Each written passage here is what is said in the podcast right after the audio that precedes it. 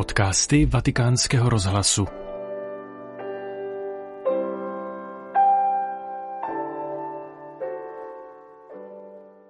Červenci se nekonají pravidelné středeční generální audience s papežem Františkem.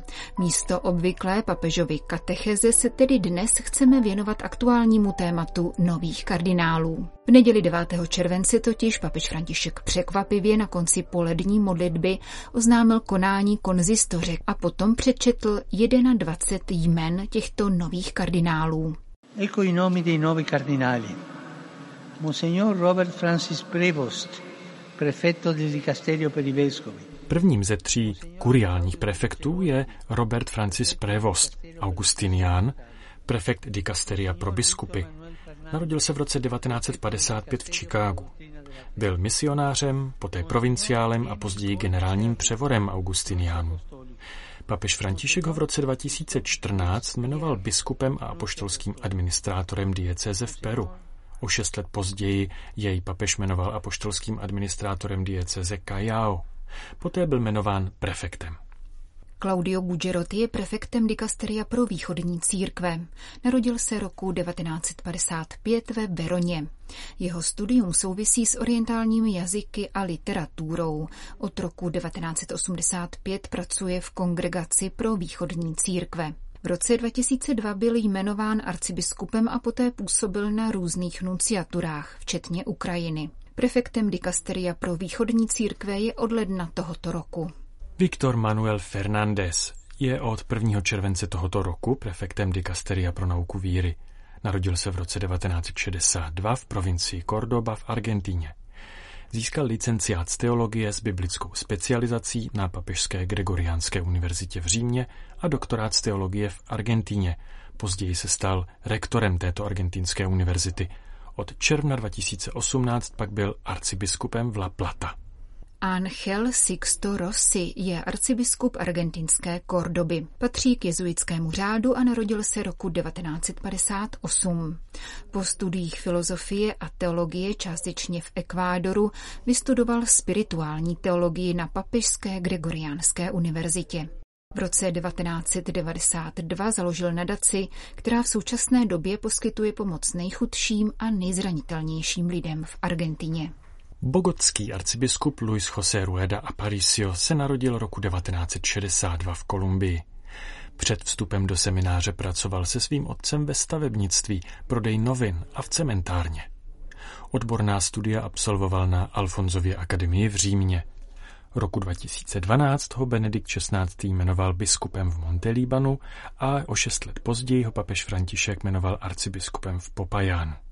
O tři roky později se pak stal metropolitním arcibiskupem v Bogotě.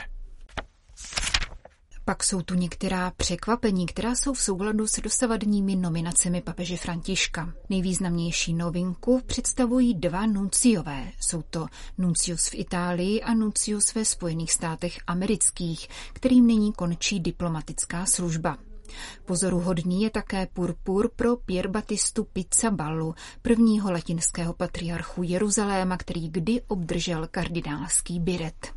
Emil Paul Čerik je nuncius v Itálii od roku 2017. Narodil se roku 1947 ve Švýcarsku, doktorát z kanonického práva získal na Papežské univerzitě Gregoriáně. Papež Jan Pavel II. ho v roce 1978 jmenoval členem diplomatické služby svatého stolce, přičemž poté působil v Ugandě, Jižní Koreji, Mongolsku a Bangladeši. Od roku 1996 potom byl nunciem v mnoha zemích. Christoph Pierre, apoštolský nuncius ve Spojených státech amerických od dubna 2016, se narodil roku 1946 ve Francii. Po studiích pro diplomatickou službu svatého stolce byl činný na mnoha nunciaturách. Naposledy byl apoštolským nunciem v Mexiku. Pier Battista Pizzaballa je od roku 2020 latinským patriarchou Jeruzaléma. Narodil se v roce 1965 v Itálii. Je františkánem. V roce 1990 se přestěhoval do svaté země, do Jeruzaléma, kde získal licenciát z biblické teologie. Od roku 2008 působil jako konzultor v Komisi pro vztahy s judaismem Papežské rady pro podporu jednoty křesťanů. Kustodem svaté země byl poprvé jmenován v květnu 2004. Významné jako pozornost k periferím a církvím na hranicích jsou kardinálská jmenování pro arcibiskupa Džuby v Jižním Súdánu, země, kterou papež František navštívil loni v únoru, a také arcibiskupa Kapského města v Jihoafrické republice a koadjutora arcibiskupa Tabory v Tanzánii. Tyto tři africké metropolitní stolce budou mít kardinála poprvé.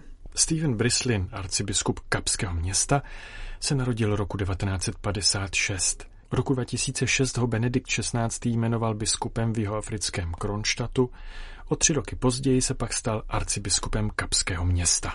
Stephen Ameyu Mula, arcibiskup z Džuby, se narodil roku 1964 v Súdánu.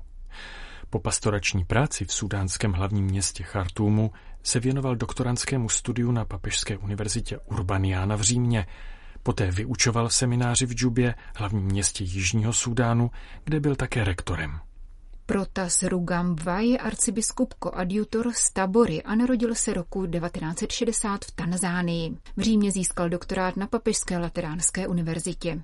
V roce 1998 se vrátil do Říma, aby se stal jedním z úředníků Kongregace pro evangelizaci národů a roku 2017 byl jmenován sekretářem téže kongregace. Dále je tu arcibiskup Ločský, Gřehoř Ryš. Ten se narodil roku 1964 v Krakově, byl rektorem kněžského semináře Krakovské arcidiecéze a roku 2011 byl papežem Benediktem XVI. jmenován pomocným biskupem krakovským. Roku 2017 jej pak papež František jmenoval arcibiskupem Ločským. Od roku 2020 je členem dikasteria pro biskupy. José Cobo Cano, arcibiskup madridský, se narodil roku 1965. Absolvoval studia občanského práva, teologie a sociálně morální teologie. Byl inkardinován v madridské arcidiecézi, kde zastával funkce s výrazným sociálním akcentem. V rámci biskupské konference měl na starosti sekretariát pro migraci. Sebastian Francis je biskupem v Penangu a od roku 2017 předsedou konference katolických biskupů Malajzie, Singapuru a Bruneje. Narodil se roku 1951, získal licenciát z teologie v Římě. Ve své vlasti byl pak profesorem teologie, spirituálem semináře a kaplanem studentů. Roku 2012 jej Benedikt XVI. jmenoval biskupem v Penangu. François Javier Bustillo, konventuální františkán biskup z Ayacha, se narodil roku 1968 ve španělské Pamplóně. V roce 1992 založil spolu s několika bratry klášter svatého Bonaventury v Narbon a od roku 2018 až do svého jmenování biskupem byl kustodem kláštera v Lourdech, biskupským delegátem pro lurdskou svatyni a pro ochranu nezletilých. Americo Manuel Alves Aguiar je pomocným biskupem Lisabonským. Narodil se roku 1973. Akademická studia dokončil nejprve v oboru teologie a poté v komunikačních vědách. V roce 2016 se stal ředitelem Národního sekretariátu sociální komunikace. Je předsedou nadace Světových dnů mládeže v Lisabonu 2023. Je také ředitelem oddělení komunikace Lisabonského patriarchátu. Významné je také zařazení nového hongkongského biskupa a generálního představeného Salesiánů. Stephen Chow je biskupem Hongkongu. Je členem jezuitského řádu a narodil se v roce 1959 v Hongkongu. Vystudoval také psychologii, zastával různé funkce v jezuitském řádu a vyučoval na Hongkongské univerzitě. Od roku 2018 až do svého jmenování biskupem hongkongské diecéze působil jako provinciál čínské provincie tovarištva. Stephen Chow prozradil, že původně biskupský titul odmítl. Přijal ho až poté, co obdržel ručně psaný dopis od papeže Františka, který ho o to znovu žádal. Generální představený Salesiánu otec Angel Fernández Artime není zatím biskupem. Narodil se roku 1960 ve Španělsku, získal licenciár z pastorální teologie a licenciár z filozofie a pedagogiky. V roce 2009 byl zvolen představeným řádové provincie Jižní Argentína a roku 2013 generálním představeným Salesiánské kongregace. Mezi novými kardinály staršími 80 let, kteří kardinálskou hodnost obdrželi tak říkajíc za příkladné zásluhy, avšak nebudou se účastnit příští volby papeže, jsou jeden bývalý nuncius a bývalý sekretář Papežské rady pro pastoraci migrantů a 96-letý argentinský kapucínský mnich a známý spovědník. Oba František dobře znal ještě před svým zvolením papežem. Mezi třemi novými kardinály staršími 80 let je Agostino Marketo, 82-letý arcibiskup, který je podle papeže Františka největším znalcem druhého vatikánského koncilu. Pracoval v diplomatických službách v různých zemích. Biskup Diego Rafael Padron Sanchez je v současnosti farářem ve Venezuele. Je mu 84 let.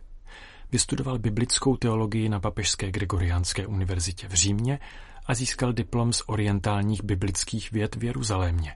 V roce 1990 jej papež Jan Pavel II. jmenoval pomocným biskupem arcidiecéze Caracas, v roce 1994 pak biskupem diecéze Maturín a v roce 2002 metropolitou arcidiecéze Cumaná. Posledním na seznamu nových kardinálů je argentinec, kapucínský kněz Louis Pascual Dry. Od mládí pracoval na poli a staral se o zvířata. Kapucínský hábit přijal v roce 1945. Byl ředitelem menšího semináře, v 60. letech se specializoval v Evropě jako formátor noviců a pracoval jako vychovatel. Poté byl farářem a od roku 2007 je v důchodu a je známým spovědníkem v Buenos Aires. Započteme-li tyto nové kardinály, bude mít po konzistoři 30. září zbor volitelů 137 členů. Evropa bude mít 53 volitelů, 15 pak Severní Amerika, 24 Latinská Amerika, 19 Afrika, 23 volitelů bude mít Asie a 3 Oceánie.